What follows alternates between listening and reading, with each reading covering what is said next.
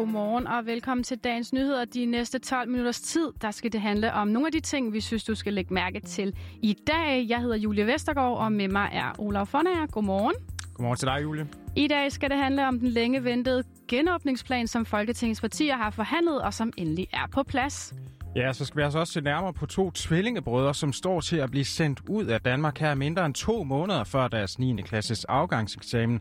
Og det er altså en vigtig historie, fordi den afspejler, hvordan nogle af de regler, der er på integrationsområdet, de altså rammer personer ude i den virkelige verden, også selvom de altså gør meget for at blive integreret. Ja, til sidst i udsendelsen, så runder vi dagens avisforsider. Velkommen til dagens nyheder.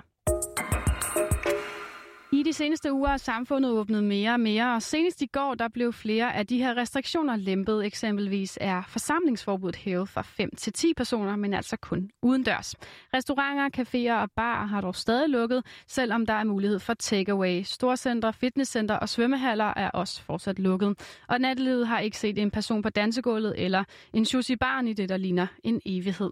Men i går kl. 12, der satte Folketingets partiledere sig sammen for at forhandle om to primære ting, både en lempelse af restriktioner efter påske og en mere langsigtet plan for en genåbning af Danmark. Og lige inden midnat i går, der præsenterede statsministeren og de øvrige partiledere, lige med undtagelse af Nyborgerlige, så en plan. Hvad, Olaf, var du vågen på det tidspunkt, den her plan blev præsenteret? Nej, det, det var jeg altså ikke. Det... Så jeg kunne stå frisk øh, klar her i morgen tidlig. Så. Ja, øh, samme her. Og det var jo også ret sent, så lad os lige høre, hvad Mette Frederiksen hun sagde i aftes. Planen består af tre dele, og vi tager dem en af gangen. Blandt andet skal det danske samfund åbnes helt med få undtagelser, når alle over 50 er vaccineret. Velkommen til på det lidt sene tidspunkt. Vi øh, har forhandlet nu over mange dage og i mange timer, og kan nu præsentere en samlet genåbningsplan for Danmark. Det er en øh, plan, der by... den indeholder rigtig mange ting, og vi kommer ikke til at redegøre for dem alle sammen. Jeg vil her understrege nogle, øh, synes jeg, øh, vigtige elementer. For det første en fortsat udfasning af restriktionerne med det overordnede mål, at det danske samfund med få undtagelser er åbent, når alle over 50 er blevet tilbudt en vaccine. Indtil da, der åbner vi gradvist med 14 dages øh, intervaller. Efter påske kommer øh, alle børn og unge tilbage i skole og uddannelse i et eller andet omfang, og de liberale erhverv kan åbne op.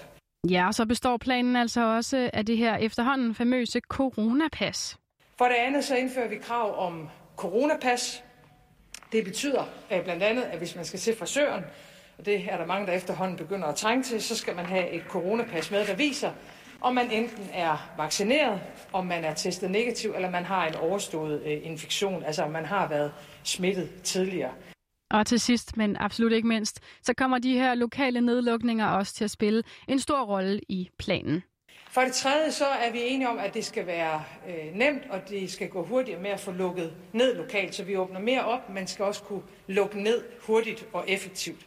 Sådan, at hvis vi også i fremtiden ser de her lokale udbrud, så skal vi hurtigt have det slået ned, så det ikke spreder sig til resten af landet.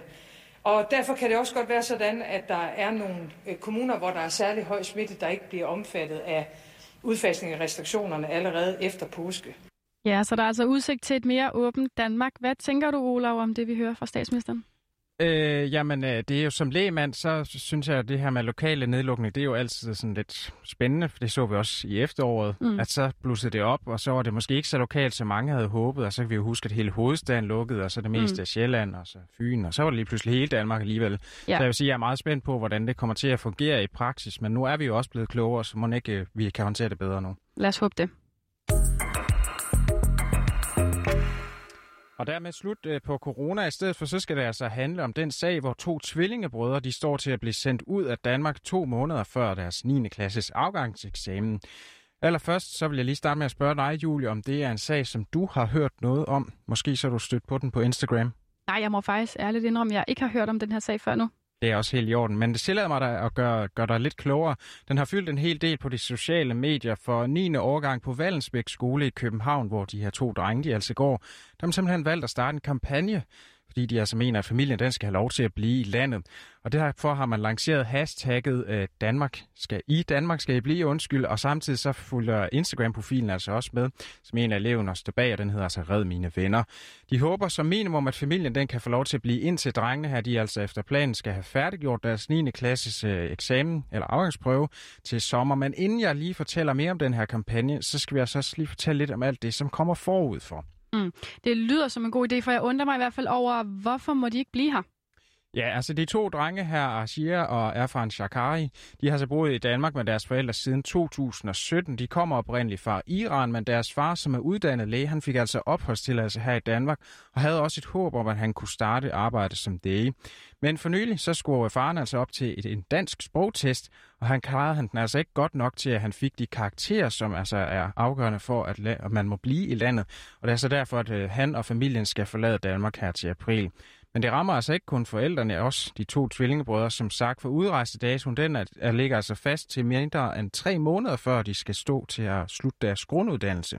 Vi talte med den ene af de her to tvillingebrødre i går aftes, nemlig 15-årige Afan Shakari, og han fortæller, at der er to grunde til, at det er så vigtigt for dem, ja, som de mindste, at få deres afgangseksamen.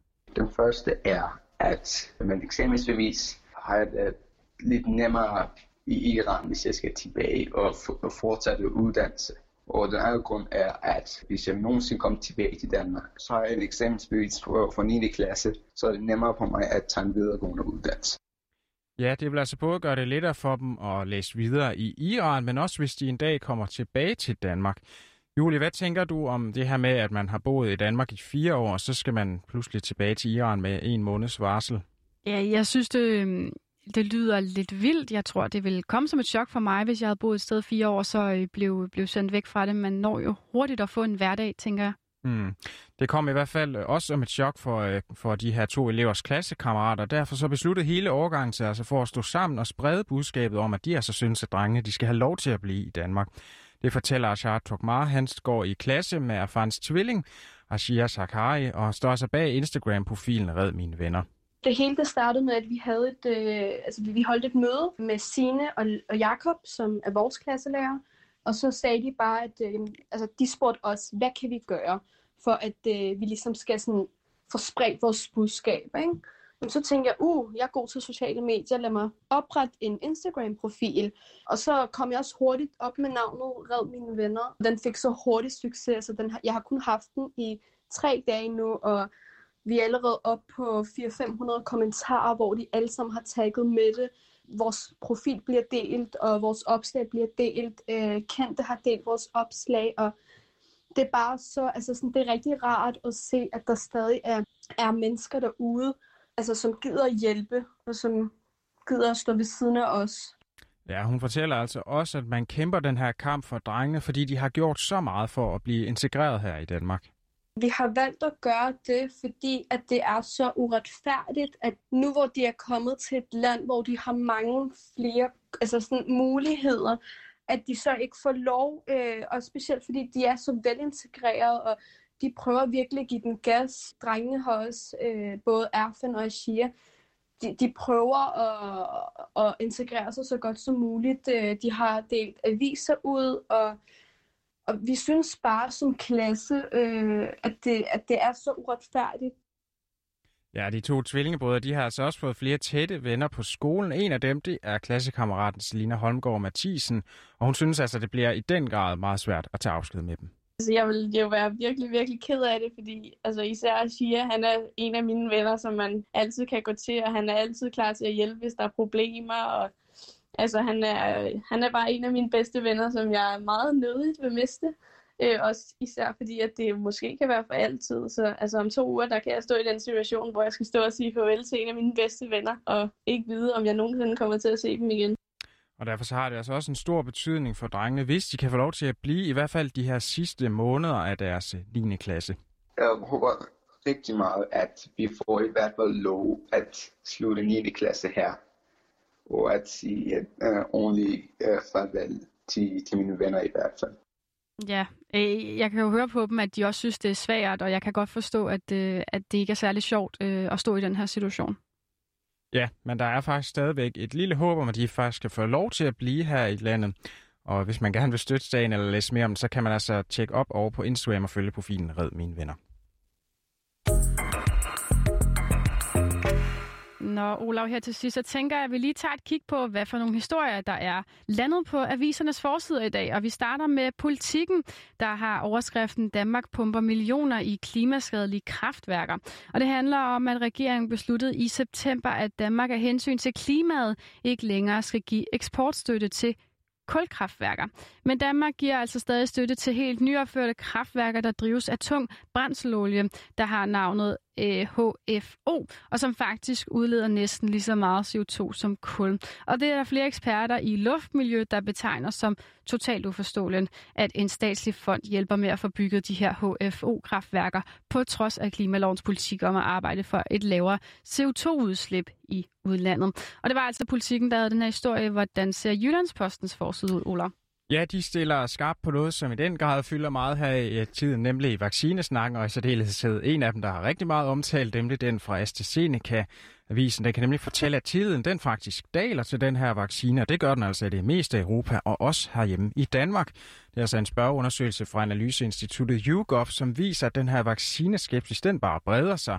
Og det skulle altså hænge sammen med, at der har været de her mange historier om, hvorvidt AstraZenecaen den er forbundet til blodpropper, som man altså har fundet, efter at folk har fået vaccinen. Det er lige vigtigt at understrege, at der er altså ikke noget, der tyder på det endnu. Der er ikke nogen direkte dokumentation, men det er altså nok til, at knap hver fjerde dansker altså siger, at vaccinen den er usikker i en eller anden grad, mens hver, mens hver femte altså siger, at øh, AstraZeneca-vaccinen den er meget usikker. Mm. Og med de forsider, så kom vi altså igennem dagens nyheder. Vi håber, at du føler dig klædt på til dagen. Udsendelsen var tilrettelagt af Henriette Kamp, Anna Søjberg og Rassan Elnakip. Din værter var Julie Vestergaard og Olaf Fonager. Vi siger tak, fordi du lyttede med.